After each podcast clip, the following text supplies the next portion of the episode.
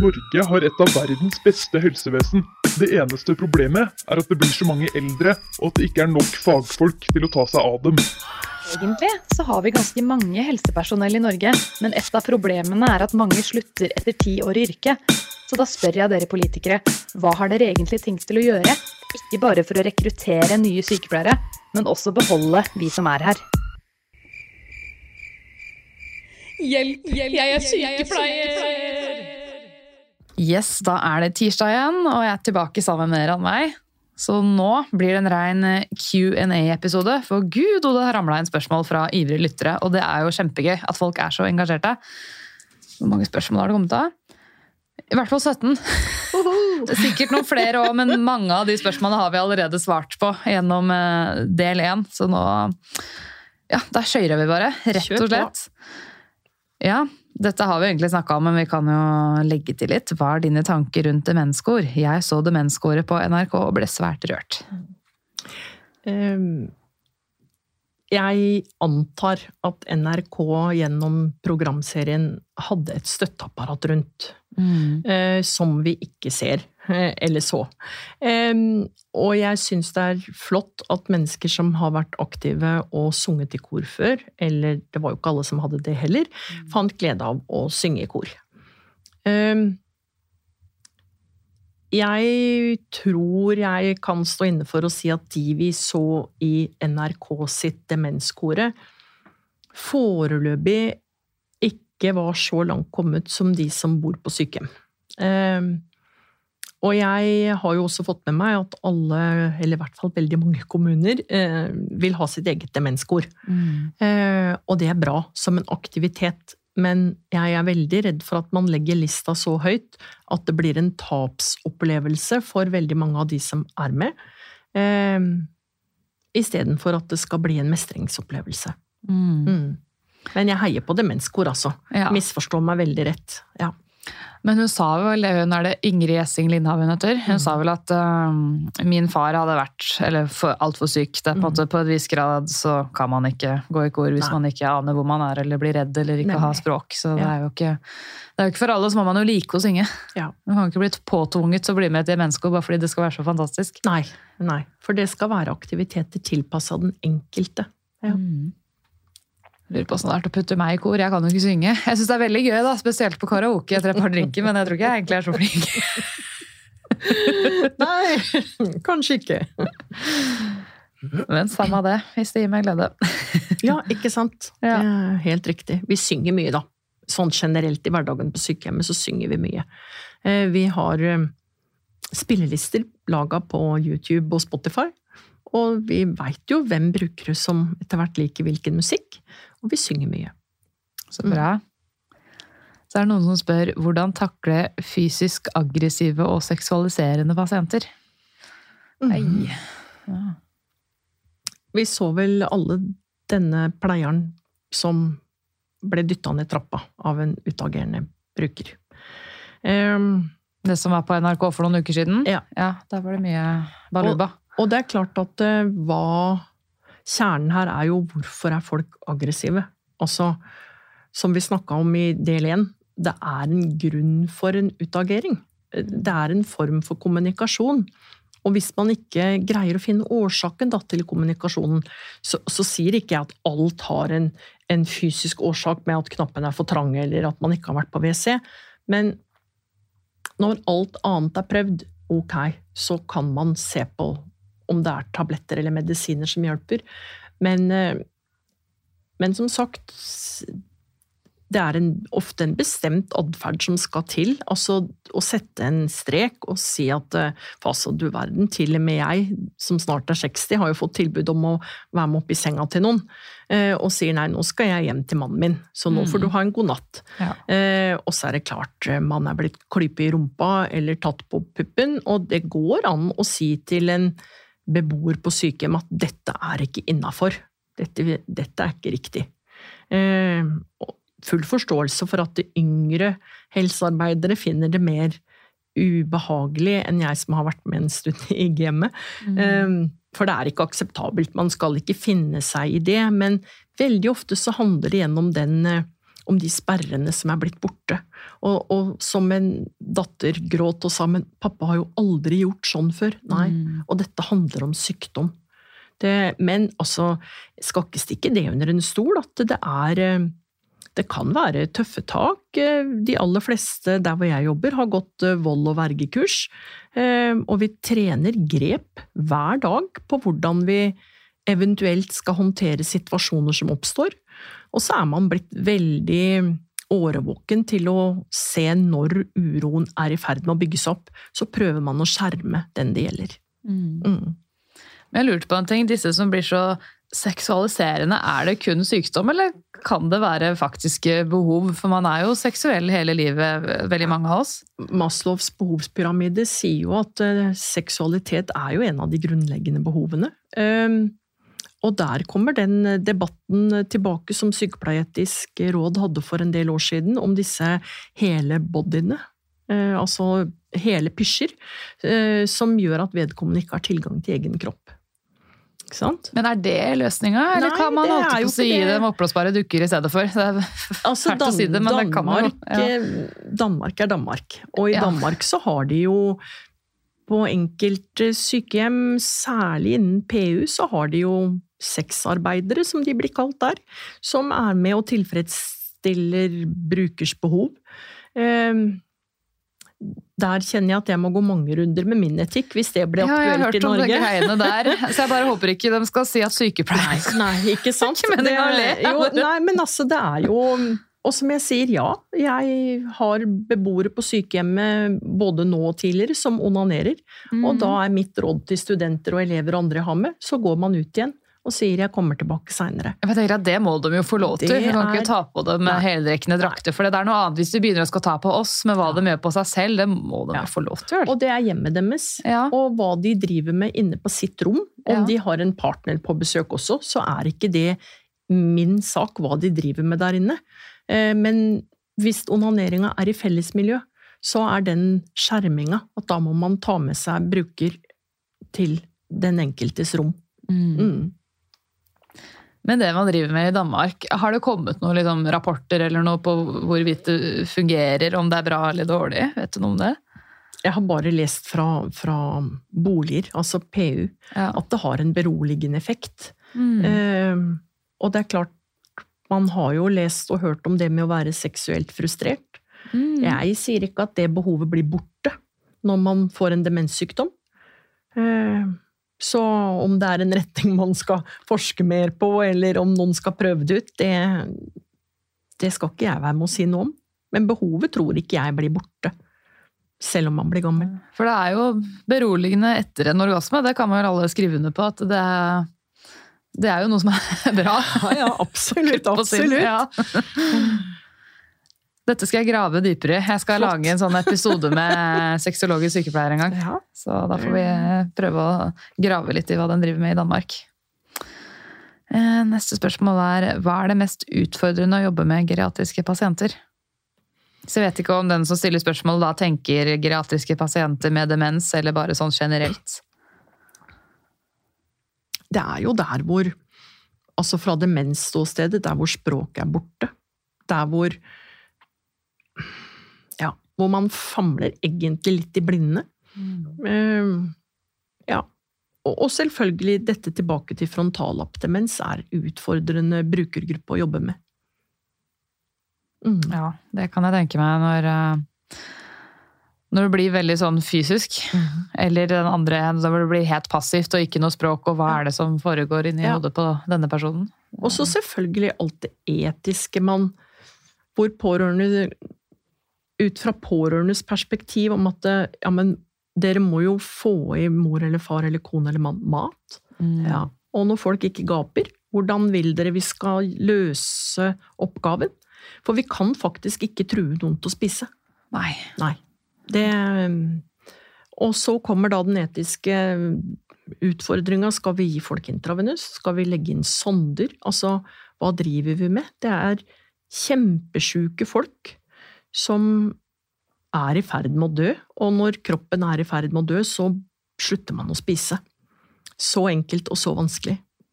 Det er jo en tid for alt. Ja, det er en tid for alt. Og vi vi prøver. Vi, altså, vi moser og smuler og har ernæringsdrikker, og det er, eh, tør jeg påstå, ingen som har gått ned i vekt hos oss. Vi fører jo eh, ernæringsjournaler og kartlegger. Eh, Før de blir så syke at de er i ferd med å, å dø. Da går de ned i vekt. Mm. Jeg synes Sykehjem har nesten litt sånn ufortjent dårlig rykte. Det står i media overalt underernæring på sykehjem med så og så mange prosent, men det er jo ofte en grunn til det. Altså, ja, det er mye vi kan gjøre. Vi kan bli Ja, ja. bedre på munnhygiene, vi Ja. kan lage bedre mat, gode lukter, alt det der, men det er jo på en måte et sånn siste hvilested, da. Og som du sier at det, ja, Mhm. når det nærmer seg din, din dag, så mister man jo appetitten. Ja. Og hvor lenge skal man pøse på med midler bare for å holde noen i live for å holde noen i live? Jeg, eh, jeg mener veldig bestemt det er Kirkens Bymisjon som har laga et hefte som heter Når det nærmer seg slutten. Og den eh, er jeg blitt så tøff etter hvert at jeg deler ut til pårørende.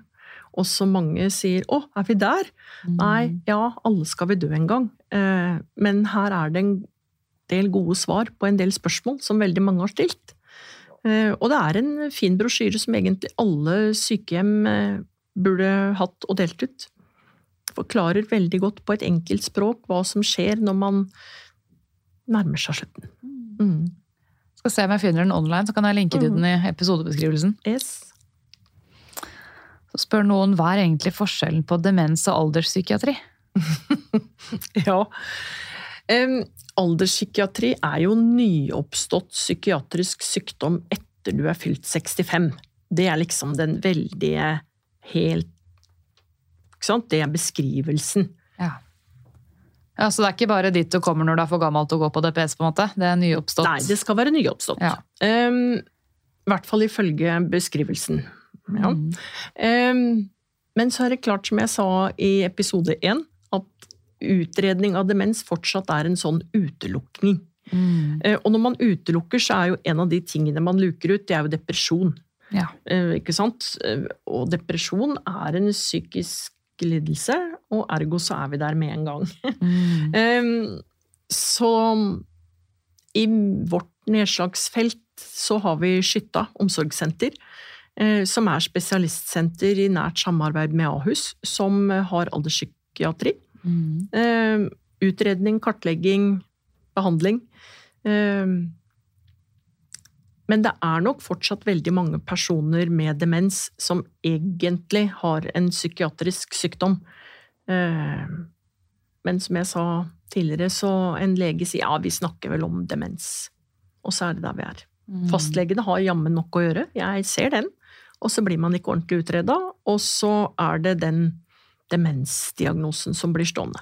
Så det kan rett og slett bli i verste fall satt feil, da? At det egentlig er en depresjon eller noe annet psykisk som ligger Ja, Bak der. depresjoner Vi har jo diverse kartleggingsverktøy på Mm. sykehjem også, som vi bruker. eh, Og ja, jeg skal ikke navngi dem, for dem er i flertall, men der får vi jo Vi ser jo det at noen har depresjon. Ok, dette kan vi behandle. Og så gjør vi det. Og veldig ofte så fungerer det veldig godt. Ja, så bra. Eh, og folk får inn livsgnisten, og de blir mer eh, mottakelige for både besøk og for aktiviteter, og de får igjen litt av sitt gamle jeg, er det jo mange pårørende som har sagt 'Å, dere har vært så flinke', og så er det egentlig ikke vi, Mm. men at de har fått en antidepressiv medikamentell behandling, da. Men fungerer det aleine? Jeg trodde man måtte Nei det pluss andre ting. Det er jo miljøet Altså, veldig mange som flytter inn hos oss, kommer fra en ensom tilværelse i en omsorgsbolig eller et stort hus. En Mm. partner som er blitt borte, eksempel. Eh, og så har de kanskje ikke vært like flinke til å følge opp eh, medisiner, eller mat, eller døgnrytme. Eh, forvirring. Har jeg tatt medisiner? Nei, jeg tar en ny runde morgensmedisiner, for jeg har jo sovet lenge. Og så baller dette på seg. Og så er det jo ikke sånn lenger at alle har pårørende. Og noen har pårørende som bor langt unna. Vi har pårørende som bor i London. Altså, det er jo det er ikke bare å ta den telefonen. Eh, og man kan lure eh, pårørende veldig lenge. Altså på telefon 'nei, jeg har det bra'. Mm. Eh, 'Det går fint'. 'Ja, nei, jeg spiser'. Og så gjør man ikke det, da. Det er mange ulykkelige sjeler, tror jeg. Før jeg kom hit til studio i dag, så hørte jeg, hørte jeg på en episode av podkasten Burde vært pensum. Og den episoden het Hva er lykke? Og da er det, det er en sånn lang observasjonsstudie som strekker seg. Det er vel planlagt at den skal vare i 100 år eller noe sånt. Så da får man jo sett mennesker over tider. Hva er det som gjør at mennesker blir lykkelige eller uh, ulykkelige? Og um, det har egentlig vært ganske det samme i alle år. De med gode relasjoner er mer lykkelige enn de som ikke har gode relasjoner, eller ikke har noen relasjoner i det hele tatt. Altså så, så enkelt, men dog så vanskelig. For det er jo ikke bare bare å ha gode relasjoner. I hvert fall kanskje vanskeligere i eldre når man er eldre, da. Eller ikke vet jeg, kanskje det er mye lettere enn jeg tror. Men jeg ser for meg at det er mange ensomme eldre, da. Det er det jo. Ja. Eh, Og det er fortsatt de eldre damene som ikke har vært ute i arbeidslivet, som blir enker. Og så har de kanskje ikke det nettverket som den utarbeidende hadde hatt. For arbeidskolleger kan jo bli gode venner, det, når man går av med pensjon, f.eks. Men hvis man ikke har hatt det utarbeidende livet uh, ja, Ikke vært foreningsmenneske, ikke stått i kor, ikke hatt andre aktiviteter, så er det kanskje mye vanskeligere for en 75-åring å oppsøke et nytt miljø og skaffe seg nye bekjente. Det tror jeg er vanskelig. Så har du hørt om den nye trenden som heter treadwife? Nei. Treadwife, ja det er sånn Nå har det plutselig av en eller annen grunn blitt populært å bli sånn der hjemmeboende 50-tallshusfrue. Okay. Så noen velger det, å ikke jobbe og sånt, og heller være hjemme med hus og barn. For de vil ta tilbake gode, gammeldagse verdier. Og så sånn, ja, kanskje det er noe bra i det, men det blir ikke så god pensjon av det, eller så gode nettverk. Nei. Eh, Dette må jo folk få velge sjøl. Jeg Ja. kunne aldri vært eh, husmor à la 50-tallet. Eh, Men jeg får si som Jeg ser absolutt verdiene. Altså, vi setter barn til verden, og når de er ti måneder, elleve, så blir de levert i barnehagen. Um, For da må du begynne å jobbe igjen. Mm. Um, og så er det klart, samfunnet legger opp til at vi må ha en bolig, og helst så skal du ha en bil, Mm. og for å komme deg til og fra jobb, og til og fra boligen, og alle aktivitetene. Så, så jeg er jo midt i bestemoralderen. Jeg har vært så heldig å få lov å bli bestemor til to nusselige jenter. Eh, og, og det er klart at eh, de unge som i dag nyetablerer seg, de trenger jo inntekter. Eh, Så hvis noen økonomisk får det til å gå rundt med én arbeidsinntekt, så ja, stå på. Jeg kan skjønne at noen velger å gjøre det i perioder av livet, men hvis man velger å ha det på permanent basis til man blir gammel, det er not for me. Nei, som du sa, pensjonsalder og det miljøet jeg har hatt gjennom ulike arbeidssteder, det ville jeg ikke vært foruten. Det er noe å tenke over på de som vurderer å bli tradwife. Eh, Så er det noen som spør tenker du over egen alderdom. Mm. Um, og det er jo soleklart, det er jo ingen som ønsker å få en demenssykdom. Um, og det må jeg være ærlig og si, at eh, det ønsker ikke jeg meg heller. Um, men samtidig så må jeg si at det å bo på sykehjem, om det er pga. grunn av demens eller andres eh, altså somatiske sykdommer, det å bo på sykehjem i de aller, aller fleste tilfeller er bedre enn å Altså, det er det beste stedet du kan være når du ikke lenger kan være hjemme. Og så vet ikke jeg, når man hører og leser diverse partiprogram, så skal jo alle bo hjemme Alle lengst bo hjemme mulig. lengst mulig. Eh, og jeg tror nok, dessverre får jeg si for mitt eh, ståsted, da, at eh, det er de som, de som er klare i hodet og kan betjene en trygghetsalarmknapp, eh, de må bo hjemme. Eh, og de andre kan få plass på sykehjem, altså institusjoner, eh, når man ikke lenger er kognitivt frisk.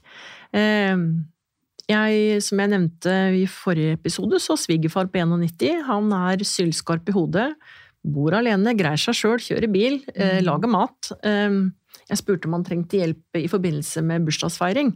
Nei, han hadde bakt, og det hadde ordna for lenge siden, så det var helt i orden. Eh, det er den ene ytterlighet. Eh, den andre er eh, min egen farmor langt tilbake, som så vidt opplevde å bli 70 år og var kjempesyk. Jeg husker bare hele tiden at nei, farmor er syk. Eh, Så det er den store Altså ytterpunktene. Man eh, Ja. Mm.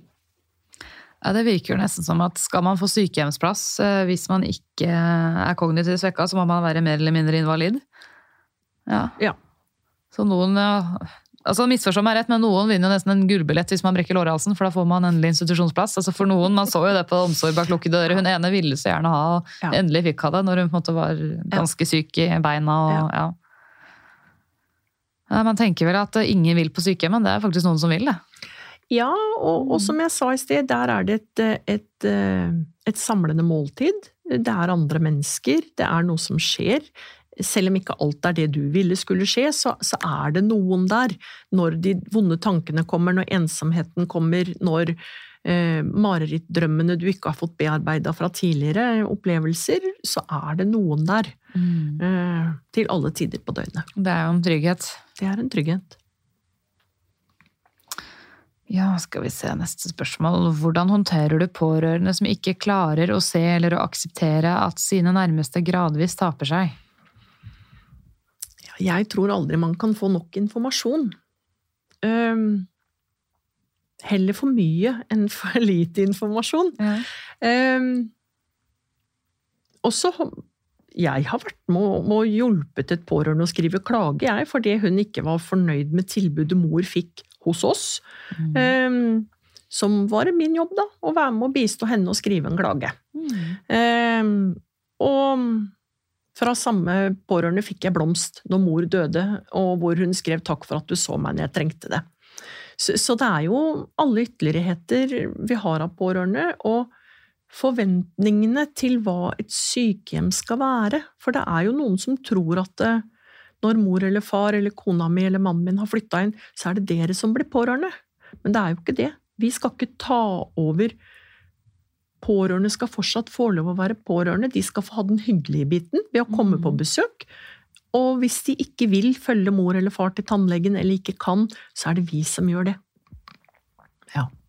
Rett og slett. Så god informasjon, da, og trygge dem og være der selv eh, Svare. når de står i ildens hete, Ja. rett og slett. Svare på spørsmål, være på tilbudssida.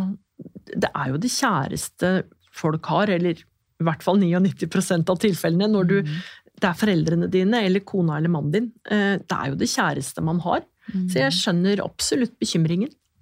Men har dere noen sånn pårørendekvelder eller noe hvor dere har litt sånn undervisning om demenssykdommer, så de kan lære litt? Undervisning hos oss er demenskoordinatorene som har rundt forbi, eh, og de har treffpunkter. Mm. Og så skal jeg ikke skryte på meg og si at vi har pårørendekvelder, for det hadde vi før jeg vet ikke om du husker pandemien. Oh yes! Og, og det var mye som forsvant når den slo til, og så er det ikke alt som er blitt stabla på beina igjen etterpå. Nei. Det er kanskje en av de tingene man kan begynne å ta tilbake nå. Ja, det er det. Ja.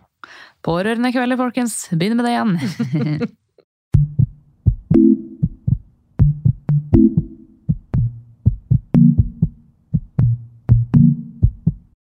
Ja, dette er et interessant spørsmål. Hva er dine beste tips for å rekruttere flere sykepleiere til sykehjem? Vi trenger jo flere, hjerte, har noen skrevet. Ja. Å framsnakke oss sjøl, det er eh, Som sagt, det er en unik måte å drive helhetlig sykepleie på. Altså virkelig hele sykepleieprosessen. Eh, Og man får brukt alle kunnskap man har lært og ikke lærte på grunnutdanninga. Um, og det er, eh, det er et spennende arbeidsområde å jobbe i kommunehelsetjenesten. Den er veldig framoverlent. Uh, vi må bare passe på at uh, den ikke blir så framoverlent at den ramler. Ja. det, det, er, det er mye spennende som skjer i kommunehelsetjenesten, også på sykehjem. Eh, Det er et stort ansvar som blir pålagt den enkelte. Man må være dyktig på observasjoner, og på observasjoner du ikke visste du skulle observere. Så, så jeg holdt på å si som fordi jeg også er hovedtillitsvalgt i Sykepleierforbundet i Ullensaker, så har jeg snakka med noen politikere, selv om dette ligger litt tilbake noen år. Så spurte han ene som da var eh, representant i helse- og omsorgskomiteen, at eh, ja, men mener hovedtillitsvalgte i Sykepleierforbundet at det skal være faglærte på alle Altså at man bare skal ha faglærte på sykehjem? Ja, det mente jo representanten for Sykepleierforbundet, da. Mhm. Og så sa jeg, for når det ringer på det bestemte rommet, så går det gjennom hodet mitt. Hva forventer meg, hva møter meg på innsiden av døra? Jeg tenker diagnoser. Og så lukker jeg opp døra, og så begynner syn og lukt og hørsel å ta inn sanser. Hva ser jeg, hva lukter jeg? Så skal jeg følge fru Hansen på do. Så får jeg kledd av og kjent på hud og hår, og jeg ser hva som kommer ut, og jeg, altså mating Jeg gikk gjennom absolutt hele sykepleierprosessen som en forklaring. Og så lener han seg godt tilbake i stolen, og så sier han Sånn har jeg ikke tenkt på det før, Anveig. Og da kunne navnet mitt. Ser man det? Mm, Så, så det hjelper med skolering. Ja, for jeg tror mange tenker sånn, nei, trenger man utdanning for å stelle folk? Det er bare å ta fram en klut og skifte en bleie. Men så er det, det er ikke bare det. Man skal vite for det første hvor skal man starte å vaske, hvor skal man avslutte, hvordan skal man dra kluten, hvordan skal man tørke, hva skal man se etter. Ikke minst, ja. ikke minst det hva skal du se etter. Og jeg har Mhm. gjort eh, blemmer, jeg. Kjære vene. Jeg rådyktig pleiemedarbeider vi hadde for noen år siden, hvor jeg hadde hengt opp et intravenøs inne hos en beboer, og sier til denne eh, kollegaen at eh, kan ikke du bare se at det drypper? Jo. Hun kom tilbake og bekrefta at jo da, der dryppet det fint På intravenøsen. på intravenøsen. Mhm. Og så kom hun tilbake litt senere, så sier hun du, det var så vått på gulvet der. Å, filler'n. Mm. Uh, og det er klart, jeg hadde bedt henne se at det drypte, og det, det gjorde det. Men jeg hadde ikke bedt henne inspisere innstikksted, eller kobling, eller knekk på slangen, eller, eller, eller. Og det var selvfølgelig gått subkutant, og det var blitt lekkasje, oh. og det, ja. I det hele tatt. Så Ja. man lærer så lenge man lever. Hva vil du at folk skal observere? Mm. Hvorfor skal det observeres? Hva er Hva er Ja. Det er så mye snakk om nå fra helsepersonellkomiteen, som jeg nevnte del igjen. De er veldig sånn, nei, men bare delegere oppgaver nedover, så får vi, kommer vi unna med alt. Og det virker kanskje veldig fristende å gi over medisinansvar og IV-ansvar og sånn til helsefagarbeidere, men da må man ha skikkelig god opplæring først. For jeg kan ta meg selv som eksempel da jeg var lærling som helsefagarbeider og hadde første sykehuspraksis, så var det deg som spurte Helene, kan ikke du henge opp en ringer? Det er jo enkelt. Jeg bare, jo, det kan jeg sikkert. Så gjorde jeg det jeg trodde var riktig, men jeg tenker tilbake, jeg vet ikke helt om jeg egentlig fylte settet først. Ikke sant? Nei, ikke sant. Det, det, det kan jo være farlig. Så Ja, ja. Og det er som Ja. jeg sier, jeg kan lære hvem som helst på et kvarter å stikke, ja. altså å sette en injeksjon. Men hvor skal du sette den? Eller når skal du ikke sette den? Eller hva Mhm. skal du observere? Det er jo derfor vi tross alt da har tatt denne treårige utdannelsen. Mm. Mm. For når politikere sier at det, sånn, nei, det er ikke så farlig om folk ikke har utdanning, da føler jeg at de ikke tar utdanningen vår på alvor og ser hvor viktig det faktisk er med utdanning. Ja, Veldig enig med deg i det. Og jeg er superglad i kollegaene mine som er helsefagarbeidere. Jeg har gode faglige diskusjoner. Jeg er av og til alene sykepleier Mm. på jobb. Men jeg sier ikke at jeg er aleine på jobb, for det er jeg ikke. Mm. Jeg har mange gode kollegaer å spille på lag med, og de observerer ofte ting som jeg ikke har sett, fordi de kjenner akkurat de brukerne bedre enn meg. Mm. Så, så vi er et team, det må vi ikke glemme. Og noen har utdannelse for å gjøre noen ting, og andre har det ikke. Nå som vi først er inne på det, så kan jeg egentlig ta et spørsmål uh, som jeg vet kommer angående det. Ja, det er det siste spørsmålet. Jeg tar det bare nå, ja.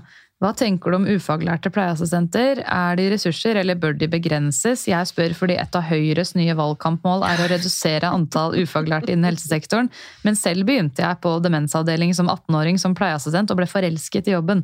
Nå skal jeg begynne på sykepleierstudiet og vil jobbe innen eldreomsorgen nettopp av den gode opplevelsen jeg fikk på eldrehjem i ung alder.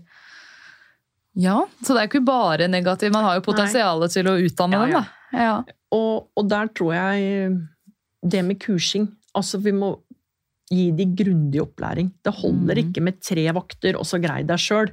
Ja, For det er litt som det er nå, er det ikke det? Ja, mange steder så er det fortsatt sånn, dessverre. Ja. Um, men andre steder så er det også sånn at man eh, får en opplæringsplan, man får en fadder å forholde seg til, man har introduksjonsdag, man får forventninger, det er eh, alt av e-læringskurs eh, hvor man går gjennom hygieniske prinsipper, og det er veldig avgrensa oppgaver. Det er ofte eh, Det høres lettvint ut å si at noen kan lage mat, for da må man vite hva slags mat man skal lage. Men jo da, vi, vi har også pleieassistenter eller pleiemedarbeidere, Mm. men veldig ofte så er de på vei inn i et utdanningsløp. Um, og noen sier at nei, dette var ikke noe for meg allikevel. Mm. Det, mm.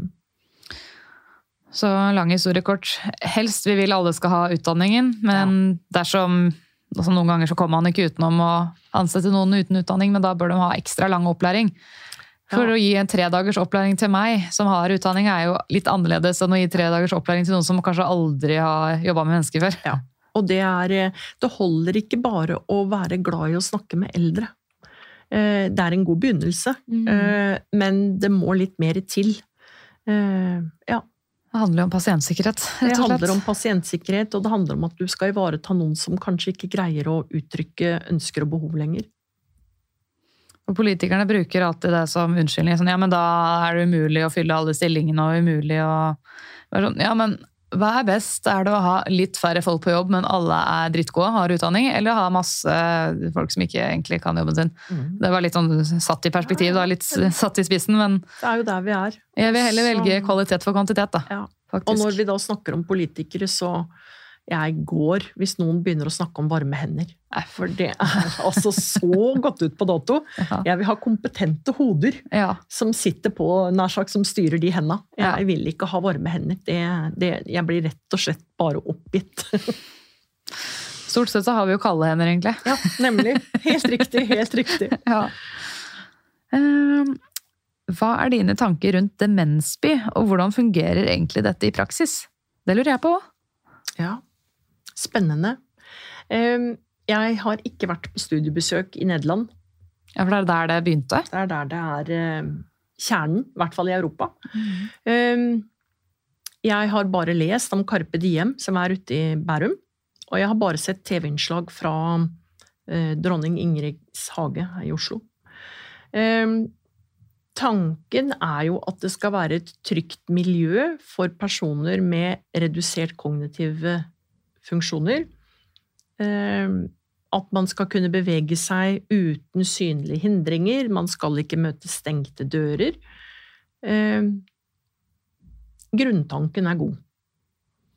For de tenker kanskje at man skal slippe å være på én institusjon, man skal leve mer som normalt. da, Kunne gå på en butikk, kunne gå på en kafé, men at man ikke blir borte, da. At man ikke kommer seg utenfor den ytterste sperringa, nær sagt, som, som er da en, gjerne en, en eh, resepsjonsform, utforming. Eh, min betenkelighet er jo når man blir så syk av demenssykdommen sin at man blir pleietrengende og blir eh, Altså hvor man ikke går lenger, og hvor man både tisser og bæsjer akkurat der det passer seg. Eller ikke passer seg, i dette tilfellet. Eh, og det med å bli latterliggjort, eller man blir fordummet fordi det skjer i et miljø hvor det ikke er passende. Eh, så et stykke på vei i demenssykdommen så kan det helt sikkert ha noe for seg at man bor så tilnærmet normalt som mulig.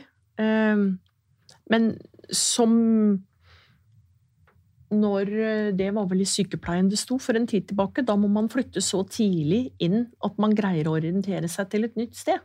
Og da er man jo egentlig for frisk til å bli tildelt en plass. Men samtidig så er det da det hadde passa sykdommen at du flytta inn. Da, rekker man å orientere seg og bli kjent? At Ja, man ikke kommer og bare hjelpes, hvor er jeg nå? ja, da nyttiggjør man seg tilbudene på en annen måte. Burde det vært sånn at man flytter inn i denne byen da, litt tidlig i stadiet, og når man blir for syk, så er det på en måte en institusjon inne i demensbyen som er lokka, da? Det er jo en tanke noen har tenkt. Ja. Eh, Men det er klart, da er det igjen pasienten som må flytte. Mm. Um, og er det egentlig heldig da å flytte så mye på disse menneskene som har så redusert kognitiv restkapasitet? Mm. Mm. Så det er etiske spørsmål, og samtidig, hvis de har en ektefelle eller partner, skal den flytte inn der også? Det var jo et utspill fra eh, Fremskrittspartiet, tror jeg, for et stortingsvalg for noen år siden, at det er klart ektepar skal få bo sammen på sykehjem. Mm. Ja, men hvis den ene er frisk, ja nei, de skulle få bo der uansett. I hvert fall sånn jeg oppfatta utspillet. Ja. Men, men det er jo ikke sånn det fungerer. Altså, det er et personale som skal ta vare på noen. Det er Ja. det, det er mange utfordringer, og det også ved da en demenslandsby. Mm. Mm, Det blir spennende å følge med på forskning når det kommer litt mer sånn langtidsstudier. absolutt. Ja, stort spørsmål da. Hvordan synes du man best kan håndtere eldrebølgen som kommer? Da var det ordet eldrebølgen igjen. Og det er klart, det er en, eh, en stor befolkning Mm. som begynner å nærme seg eh, pensjonsalder, og noen er der jo allerede, altså etterkrigsgenerasjonens barn. Eh, Og det blir færre hender. Nå var det vel eh, slettes ikke alle utdanningssteder på sykepleien som fikk eh, fylt opp alle studieplassene. Det er en markant nedgang. Ja. Eh, Historisk lave tall, faktisk. Ja. ja. og jeg tror, men dette er da hva jeg tror, at en arbeidstidsordning generelt i helsevesenet og en bemanningsnorm, selv om jeg vet at vi egentlig ikke skal bruke det ordet, men jeg tror det må til for å få for at man skal greie å være sykepleier eller helsefagarbeider gjennom et helt liv, i Mm. alle livsfaser, med små barn, med større barn, med andre utfordringer, med syke foreldre, og til slutt at man sjøl er en seniorarbeidstaker. Så, så noe må gjøres. Jeg har ikke tro på at eh, tvang hjelper, å si at alle skal jobbe tredelt turnus, for da får vi dekka dag, kveld og natt. Sorry, Mac, jeg slutter på dagen hvis noen truer meg lenger til å jobbe nattevakter. Ja. Um, ja. Og, så, så det er kjempeutfordringer. Ehm, og så var det vel en politiker, det var vel Kjerkol, som sa at vi må bli i stand til å ta vare på oss sjøl. mer. Ta mer ansvar for egen alderdom. Ja. Og det er klart ehm, Det er jo ikke dumt, det heller. ehm, selv om ikke alle har mulighet til det. Men, men jeg tenker på det vi snakker om, å, å prøve å ha en noenlunde sunn livsstil. Prøve å ha et nettverk, prøve å være engasjert hvor du får brukt hodet. Altså Ja, Kjerkol ble jo veldig refsa for den kommentaren, Absolutt. blant annet av meg. ja, ja, ja jeg òg Så jeg har begynt å tenke at jeg er jo også litt enig, for det er veldig mange som bare rett og slett driter i helsa si. Bare nei, nei, det kan eh, skattebetalerne ta seg av, på en måte. Det, jeg kan jo alltids bare gå og få gratis helsehjelp i Norge. Øh, Og sånn, ja, vi er der når det folder, selvfølgelig, men man må, altså til syvende og sist, så lenge du er klar i huet, så er jo helsa di ditt eget ansvar. Om du blir syk, det er ikke din feil, men du har ansvar. Altså nå, det er sikkert noen som vil slakte meg og bare skylder på folk som får kreft. Og nei, nei, nei, det er ikke nei. det. Men jeg tenker på disse livsstilssykdommene. Altså, det har veldig mye å si at du passer på å være i aktivitet og spise variert, at man prioriterer søvn. Ja, note to self, jeg er ikke Ja. så flink der. Jeg, skal prøve. jeg jobber hardt med det. Men da må jeg komme meg ut av tredelt stilling. Men jeg er fanga, altså, jeg er i et fengsel. Ja, frivillig fengsel i den jobben min. Nei, er, jeg klarer ikke å ha den rytmen. Så note to self, jeg skal prøve å ta mer ansvar for egen helse, men jeg, jeg gjør det jeg kan. Jeg trener jevnlig, jeg spiser variert, og så den søvnen får vi ta en annen gang. Men ja, hvor var vi egentlig? Håndtere eldrebølgen? Ja. Det er eh, Og så liker jo veldig mange å snakke om eh, frivilligheten som en sånn bidragsyter. Og det er jeg jo, inntil at noen minner meg på at ordet frivillig faktisk betyr akkurat det. Det er Mm. frivillig. De kan ringe de og si at nei, men vi kommer ikke til uka fordi at eh, Nei. Da rakner liksom hele puslespillet man har lagt, for man legger planer ut fra noen forutsetninger, og så plutselig så blir noen forutsetninger endra på, og da får man ikke gjort de gjennomførte ønskene eller planene. Så jeg heier veldig på frivillighet. I Ullensaker så er det en helt eh, fantastisk eh, frivillig sentral, og også eh, demensforening. De virkelig gjør vei i vellinga. Men de får ikke betalt for den jobben de gjør, Nei. så da er de frivillige, og kan få lov å si nei. I morgen kommer jeg ikke. Jeg skulle ønske at politikerne også kunne begynne med en sånn holdningskampanje. Sånn hashtag 'vi ser dere', helsepersonell. Nå skal vi gjøre noe for dere. Fordi det har vært mye. ikke sant? Nå er det hashtag 'leger må leve', det har vært kode rød, det har vært ikke sant, helsebrølet. Det er jo ikke det at vi ikke sier ifra, men jeg skulle ønske at politikerne bare begynte å Nå, vi ser dere, her skal vi gjøre ting til dere. Og det, det har jo vært noe, nå skal de jo Hva er det de sier da? 800 nye stillinger skal fylles opp, men det er sånn, ja, det er fint at dere planer, men hvordan? Vi trenger å se tiltakene på papir. Økt lønn her, bemanningsnorm der, at de viser dette sånn tydelig. Det hadde vært fint, tenker jeg da. Det hadde vært fint. Ja. ja.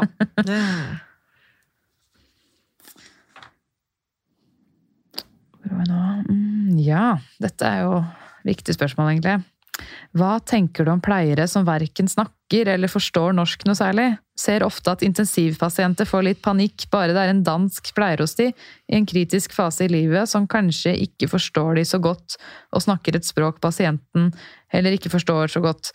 Kan tenke meg at det for gamle geriatriske pasienter må være både skummelt og frustrerende å oppleve at de verken blir så godt forstått, eller at de kanskje heller ikke forstår kommunikasjonen med pleieren sin. Mm. Ja. Det er jo en kjent problemstilling. Ja. Nå var det jo i NRK at det var en pasient som hadde dødd pga. bl.a. kommunikasjonsvansker, hvor pleieren hadde tatt vekk oksygenet mot legens anbefaling. Og det er jo den ytterste fatale konsekvensen. Um, og det er jo ikke ukjent, som du sa. Det er jo en problemstilling vi har overalt i hele, hele Helse-Norge, eh, Mm. tør jeg påstå. Uh, og det er klart eh, Det er utfordrende. Eh, men samtidig så er vi jo så innmari avhengig av disse personene som kommer og vil jobbe. Eh,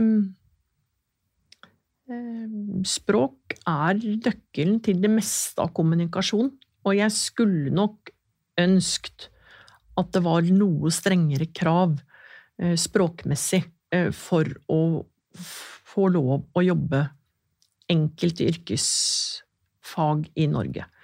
Eh, Jeg snakker rimelig godt engelsk, eh, påstår jeg sjøl, og jeg syns ikke det er kuriost at jeg er på en butikk på Sten og Strøm må snakke engelsk for å bli forstått, fordi den som står der, bare snakker engelsk. Mm.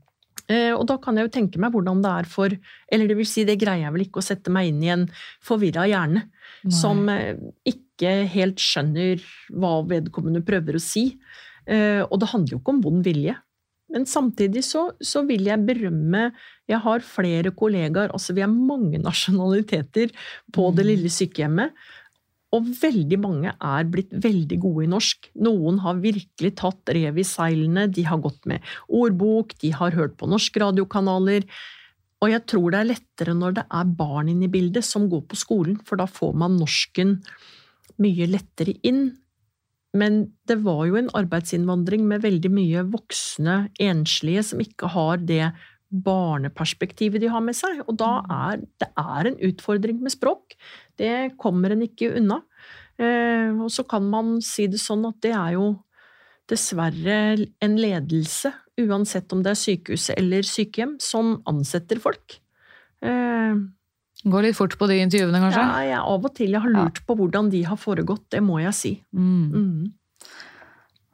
Nei, Der vil jeg faktisk rose Frp litt, med det forslaget Ja. dem som språkkrav. Eh, om det var sånn B1 eller B2, jeg kan ikke det der. Men det er jo tydeligvis sånne språkkrav i skole og barnehage. Hvorfor Skal i granskauen skal, ja, skal det ikke være det i helse? Ja, Og kommunikasjon er, er så viktig. Ja, det er superviktig. Det er det. Og da igjen sier politikerne, de andre, da, sånn, nei, nei, da klarer vi ikke å fylle alle stillingene. hvis vi skal se. Sånn, jo, kanskje flere vil søke hvis de vet at det er kolleger de klarer å snakke med. Ja, helt riktig. Så jeg, jeg syns ikke vi skal ha så lave krav for hvem man ansetter i helse, altså. Nei, og der er vi tilbake til det med at øh, å jobbe i kommunehelsetjenesten, det er ikke så farlig, for det kan hvem som helst få til. Åh, that's the biggest lie. Ja, det må jeg bare det, si. det er det. Ja. Det er et kjempestort ansvar å jobbe i kommunen.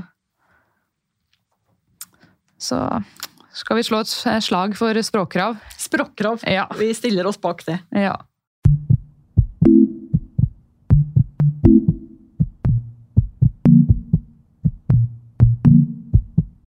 Men så må jeg si at eh, mange av mine kolleger som kommer fra både land og ja, over skog og hei, holdt jeg på å si, over sjø og fjell, de, de har lært seg norsk ganske fort. Og mange sier sånn ja, men jeg så på Side om side på NRK. Det har jeg hørt mange si. Så det er litt gøy. Hvordan fange opp smerte hos demente? Er Ja. vi tilbake til vandring og sånt? Ja. Ja. Ja. ehm, og til ansiktsuttrykk. Eh, og så kan vi si mye om det, men, men det er veldig lett gjenkjennelig når du ser folk får den bekymringsrynka i panna, eller de stønner, de ikke er så mobile som de pleier å være, eller at når de ved forflytning så mm, kommer det stønnelyder. Ok, Mm. her må vi begynne å Ja. Og det letteste er jo å gi en Paracet. Og så ser man hadde det noe effekt. Ja, det hadde det. Hmm, hvor er vondten? det, er, det er så bas... Altså, du må helt på basisforskning. Mm. Så smerter hos eh, eldre, og også da eh, de som har demens, det er dessverre underdiagnostisert. Eh, De blir underbehandlet eh, på smertelindring. Ikke fordi vi ikke vil gi folk smertelindring, men fordi man ikke oppfatter det. Mm. Kan utagering være et tegn på at de har smerter? Ja. Mm. Helt klart. Så da er man tilbake til å være detektiv. Da. Sånn, hvor, er, hvor er smertene? Eh, Da må jeg bare minne alle på å bruke blæreskanner. Eh, Jeg jobber på nevrologisk avdeling, og urinretensjon det kan gjøre ganske vondt. Oh, ja. Ja. ja. ja. Men, men der er vi tilbake til, til noe så enkelt som at så veldig mange menn oppi i en viss alder får prostatabesvær. Mm. Også de som har en demensdiagnose. Ja, ja, ja. Ja. Og det Neimen, skal vi utrede det? Er ofte et spørsmål man får. Ja, det kan være lurt. Hvis vi går rundt med full blære og har Ja, kjempevondt, og ja, vær så Ja. snill, finn det ut. Mhm. Og det er jo ikke sånn at alle må ha kateter heller. Nei, Noen nei, kan det- settes på noen medisiner, og så får man tisse da. Det er Verdt å prøve ut, i hvert fall. verdt å prøve ut. Helt Mhm. klart. Eh, Har du noen tips til hvordan man best mulig kan skjerme og gi livskvalitet til demente og eldre som midlertidig oppbevares på sykehus, eh, parentes, og er utskrivningsklare over tid på hektiske akuttavdelinger med mye aktivitet? Ja. Eller nei. Eh, jo, eh, veldig ofte så gjør man jo Og dette er jo for det man ikke vet, så drar vi Dette gjorde jeg jo det når jeg jobba på sjukehus for en mannsalder siden. Så tok vi gjerne den som, hadde, som var urolig. Vi tok de ut i gangen foran vaktrommet, for da greide vi i hvert fall å holde øye på dem. Det var vel den verst tenkelige plassen å ha noen i det store og det hele. Eh, Ute i gangen? Ja. Oi, oi. Ehm, For, ehm, for en del år siden så var jeg på et eh, foredrag eh, Geir Selbekk. Eh, Da var han bare stipendiat, nå er han jo professor. Eh, Men han, for da spurte jeg hvordan virker egentlig demens, hjernen, altså hos en med demens? Og den gangen så var 25 TV-kanaler mye, da. Så sier han tenk deg at fjernkontrollen din er gått i stykker, og så får du alle 25 kanalene inn samtidig. Og du greier ikke å skille verken lyd eller lys eller hvor kommer det fra. Og sånn tror jeg også hvis du tar en person som for det første da er syk fordi man av en eller annen grunn er på sykehus. Kanskje er det et delir i tillegg som man ikke har snappa opp. Man skjønner ikke hvorfor man er blitt plassert der eller overlatt til å være der. Eh, en rolig omgivelse. Altså helst på et rom. Ja, enerom. Enerom. Mm. Eh, musikk. Sett i hvert fall ikke på TV-en og gå. Det er det dummeste man gjør, for plutselig så kommer en nyhetsflash, og så Mm. tror folk de er i krigen. Åh. Altså, det er så mye vonde opplevelser vi påfører folk fordi vi ikke tenker oss om. Så, så en skjerming på et rom, enerom eller i en endekorridor hvor man ikke er så utsatt for alle eh, nummerplinging fra ringesystemet i taket, for det er jo bare forstyrrende. Man skjønner ikke hvor lyden kommer fra. Mm. Summende prat, folk går forbi deg og har prata en halv setning lenge før du Det, det, er bare vondt. Mm. Ja. Er det lurt å prøve å ha faste personal? Ja. Så det ikke blir for mange ansikter. Mm. Men det der er jo et problem at de ligger utskrivningsklare over Ja. tid, for kommunene har ikke plass til å ta dem imot. Kjempeutfordring. Var det ikke noen som måtte ligge på madrass eller noe, for de hadde ikke seng? Det var jo oppe i nord. Ja. Uff. Det, det er eh, absolutt ikke menneskeverd i det hele tatt. Det, selv om man kan si at en madrass på gulvet faktisk er bedre enn å ikke ha madrass på gulvet. eh, og man ble eh, ivaretatt, altså sikkerhetsmessig ivaretatt. Eh, ja, Mm. men Før sånn har glattcelle. Ja. ja. Det, sånne assosiasjoner fikk jeg òg. Ja. Ja, nå kommer dette spørsmålet, ja, som vi snakket litt om i pausen i stad. Opplever du at andre sykepleiere ser ned på deg fordi du jobber med geriatri slash demens? Det er dessverre min erfaring. Lei seg smilefjes, er det noen som har sendt inn. Støtter opp under det, gitt. Det er fortsatt sånn at det er et B-stempel å jobbe i kommunehelsetjenesten. Um, og det er eh, det, det er bare sånn uvitenhet, eller man tenker seg ikke om, og så kommer sånne nedlatende setninger som at eh, vi kan diskutere en pasient, det ringes en rapport etter en undersøkelse eller en innleggelse på sykehus, og så skal det komme en epikrise. Mm. Og så sier da den fra sykehusets side Ja, jeg vet ikke, skjønner du hva jeg snakker om? Uh, ja. Eh, jeg sa jeg var sykepleier. Ja, ja, men det er ikke alltid dere forstår hva vi mener. Nei. Nei. Ikke sant? Eh, og, og det er sånn Jeg har slutta å bry meg om at det er sårende, men jeg kan forstå at yngre sykepleiere tenker nei, der vil jeg ikke jobbe. Eh, fordi at da får jeg det B-stempelet. Men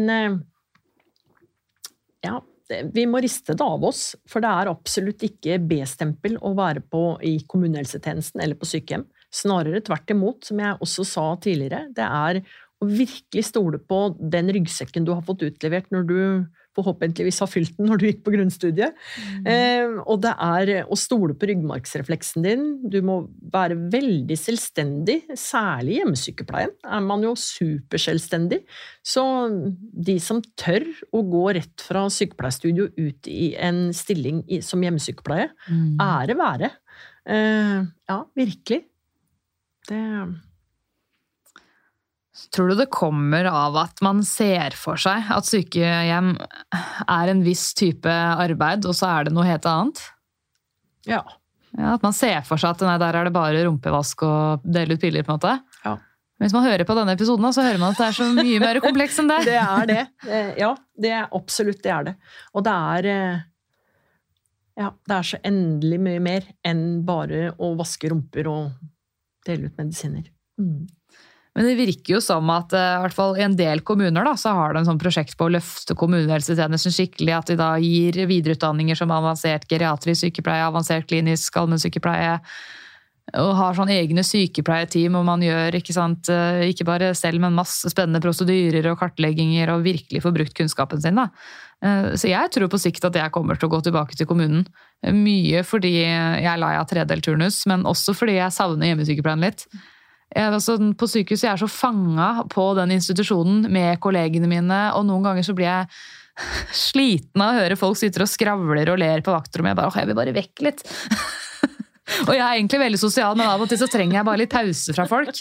Og det syns jeg er deilig hjemmesykepleien. Da kan jeg kjøre rundt, og så møter jeg bare kollegene mine til lunsj. Og jeg er glad i kolleger, altså jeg bare orker ikke å være med hele tiden.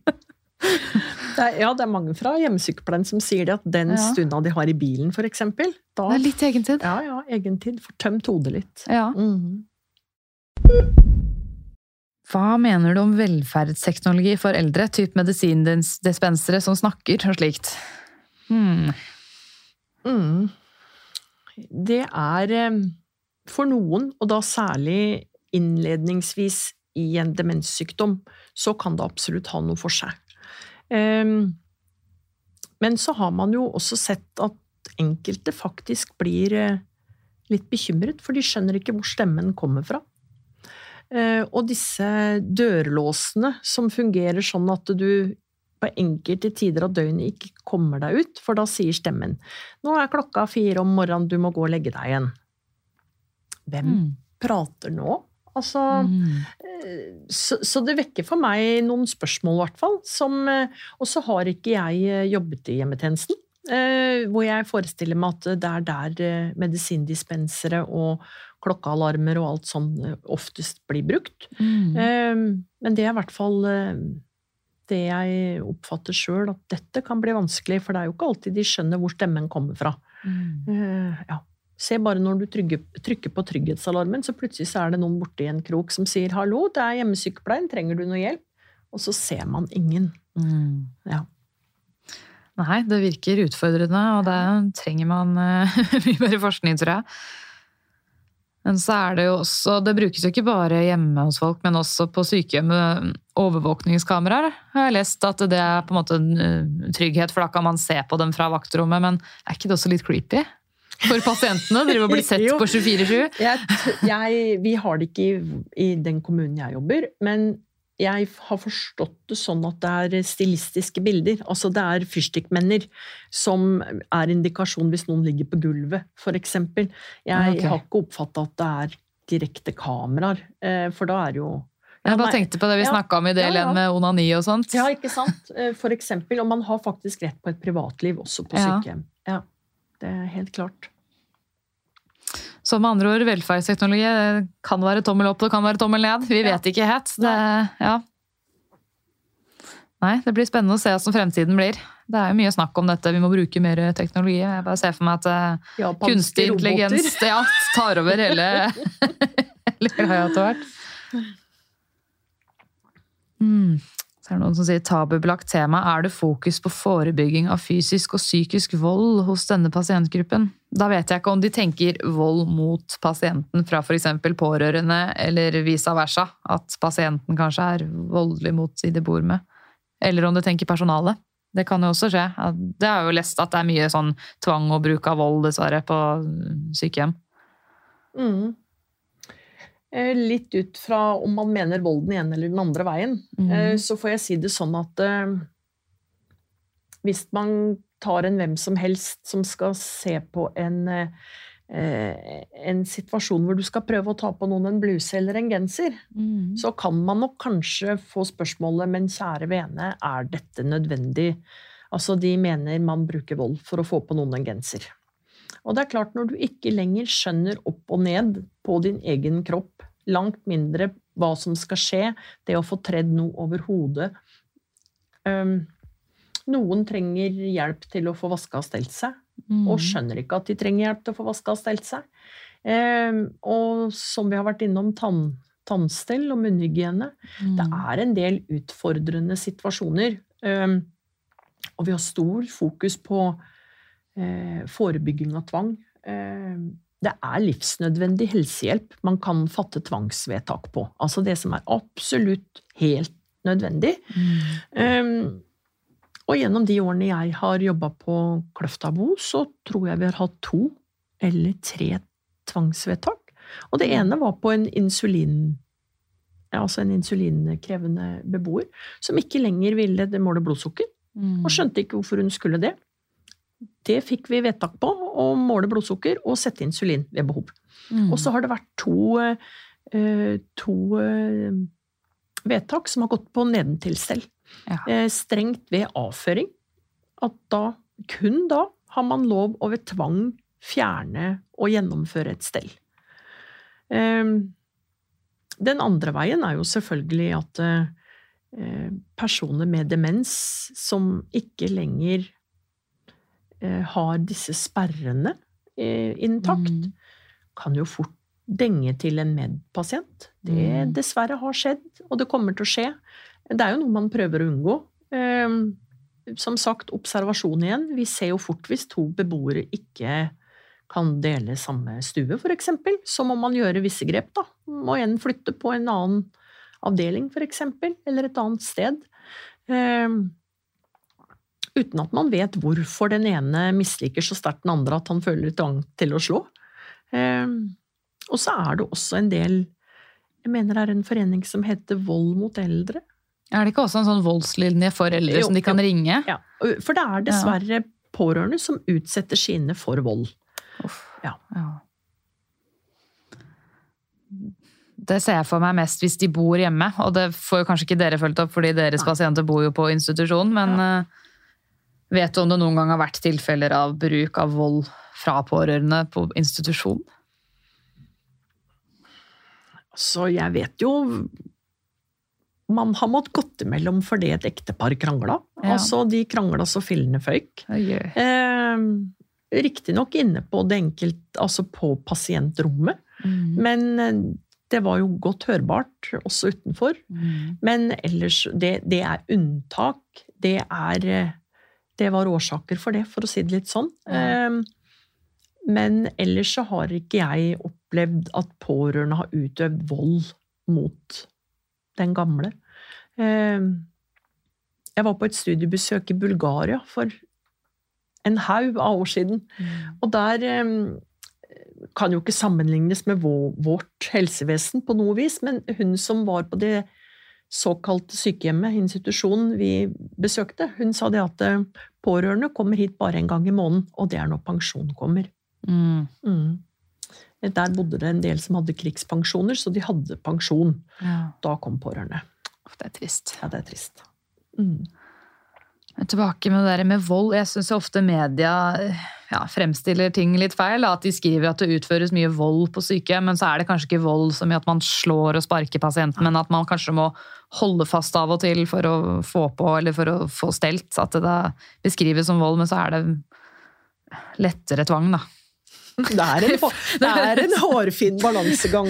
Ja, Ja, Men det er ikke på en måte slag og spark, Nei. men det er at man må kanskje holde noen litt fast, så ikke ting skal bli en voldssituasjon, da, Ja. faktisk. Ja. At det er på en måte omsorg i tvang, da. Ja, det er, det er et begrep. øh, Ja. Ja. Eh, Selv om det ikke er alltid like enkelt å forklare for pårørende. Ja. Og der kommer også en av mine Er det noe vi kan unngå i de situasjonene? Må Mm. mor eller far ha på seg den blusen eller den buksa, det slipset de alltid har pleid å ha?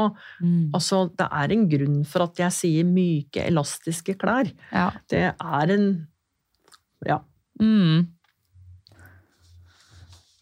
Nei, den tvangsdiskusjonen, den, ja. den er stor, egentlig. ja men vi trenger den også, for å si det Absolutt. sånn. Ja. Alt handler jo om etikk, Ja. Skal vi se, er det noen som spør Hei, jeg har lenge lurt på en ting når pasienten ikke er orientert for tid og sted, og f.eks. tror det er hjemme i sitt barndomshjem, eller at ektefellen som døde for 15 år siden fortsatt lever. Bør man forsøke å realitetsorientere, eller bør man bare spille med? Ja, det snakka vi jo litt om i del én. Mhm. Validering er jo noe som heter i dag. Som du bekrefter Og så igjen kommer det at man trenger tid. Og så trenger man litt kunnskap om den man snakker med og om. Og så er det et godt eh, triks å begynne å snakke om ja, for dere bodde på gård når du var liten. Altså begynne å snakke om ting i fortid. Og veldig ofte så greier man å få med seg vedkommende på det at Ja, men kona mi døde for Ja, det stemmer, det er helt riktig.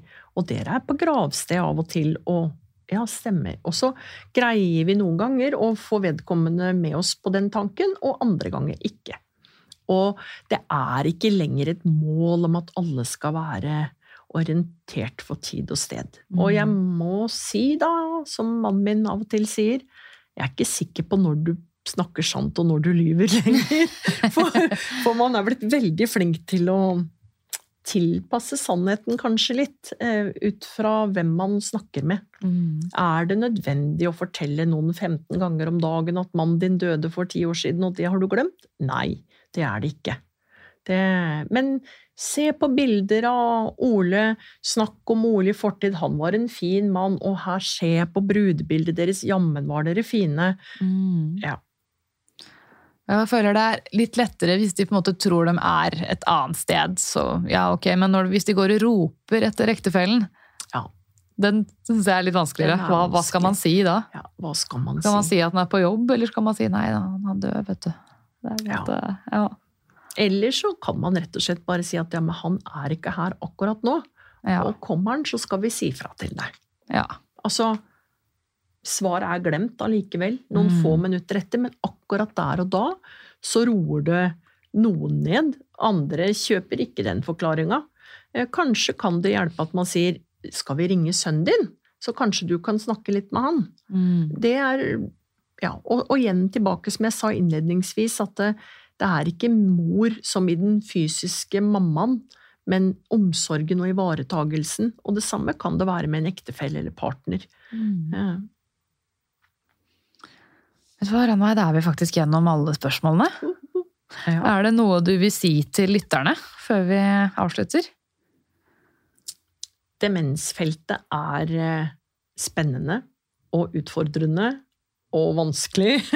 og litt fortsatt sånn appendiks sett på i helsevesenet. Det er et vedheng. Jeg er veldig glad for eh, sånn som ekteparet Moser, som fikk nobelpris. Det må forskes mer på. Det må alminneliggjøres mer. Altså, vi snakker om demensvennlig samfunn. Jeg tror vi har et stykke igjen å gå der. Og så ønsker jeg meg flere kollegaer. fin oppfordring på slutten her. Så Ranveig Lie, nå må jeg bare si tusen takk for at du kom og gjestet Hjelp, jeg er sykepleier. Det har vært veldig interessant og hyggelig å ha deg her. Takk for at jeg fikk komme, og håper eh, noen blir tent på avansert geriatrisk sykepleier. Jeg tror det er fremtiden. Krysser fingrene for det. Takk for at du hørte på Hjelp, jeg er sykepleier. Hvis du likte episoden, blir jeg veldig glad hvis du vil dele den videre på relevante plattformer. Jeg blir også veldig glad hvis du vil anbefale den videre til venner, kolleger, medstudenter eller andre folk du tror kan få glede av denne podkasten.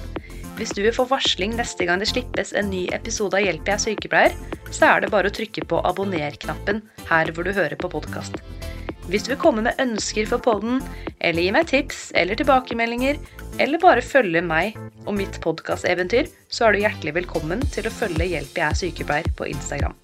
Hjelp jeg er sykepleier er også på Facebook, men det er på Instagram det er desidert mest aktivitet. Der har du også mulighet til å stille spørsmål til Q&A til fremtidige gjester av podden. Du kan også sende meg en mail, og mailadressen til Hjelp jeg er sykepleier står beskrevet i hver episodebeskrivelse.